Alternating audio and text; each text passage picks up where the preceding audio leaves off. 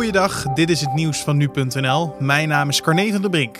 Het aantal Belgen met antistoffen tegen het coronavirus is tussen eind maart en midden april gestegen van 3 naar 6 procent. Zo blijkt uit een tweede meting in een bloedonderzoek van de Universiteit Antwerpen. De cijfers wijzen erop dat er tijdens de lockdown nog veel Belgen besmet raakten. De langzame toename van het percentage wijst er volgens de onderzoekers op dat groepsimmuniteit, waarbij 60% van een bevolking antistoffen aangemaakt heeft, waarschijnlijk onhaalbaar is. Over drie weken publiceren de onderzoekers de resultaten van de derde meting. Weer drie weken later volgt de vierde. De laatste is belangrijk omdat daar de gevolgen van de versoepeling van de maatregelen zichtbaar zullen zijn.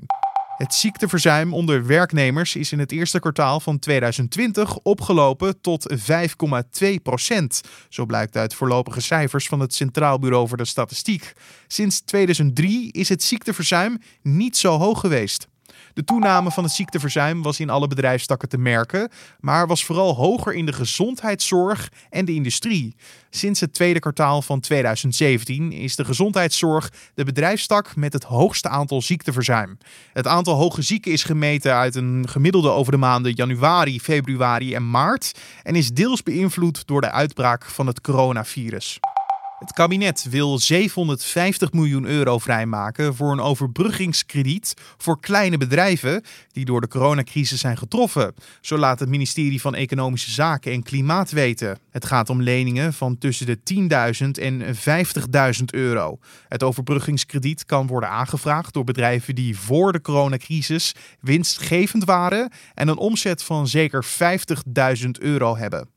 Minister Erik Wiebes en staatssecretaris Mona Keizer verwachten dat tienduizenden ondernemingen zullen gebruik maken van de kredietregeling. En de minister en staatssecretaris hopen dat de regeling vanaf half mei beschikbaar zal zijn.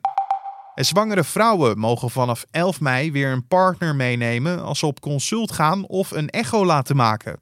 Dat meldt de Koninklijke Nederlandse Organisatie van Verloskundigen. Daarmee geeft de organisatie gehoor aan het verzoek van vele zwangere vrouwen om samen met hun partner bij de controles aanwezig te mogen zijn. Verder staan zij toe dat er naast de partner nog iemand bij de bevalling aanwezig mag zijn, als de zwangere dat natuurlijk wel wil. Voor elke afspraak wordt gecheckt of de zwangere en haar partner geen ziekteverschijnselen hebben. En in de wachtkamer moet anderhalf meter afstand worden gehouden. En tot zover de nieuwsupdate van nu.nl.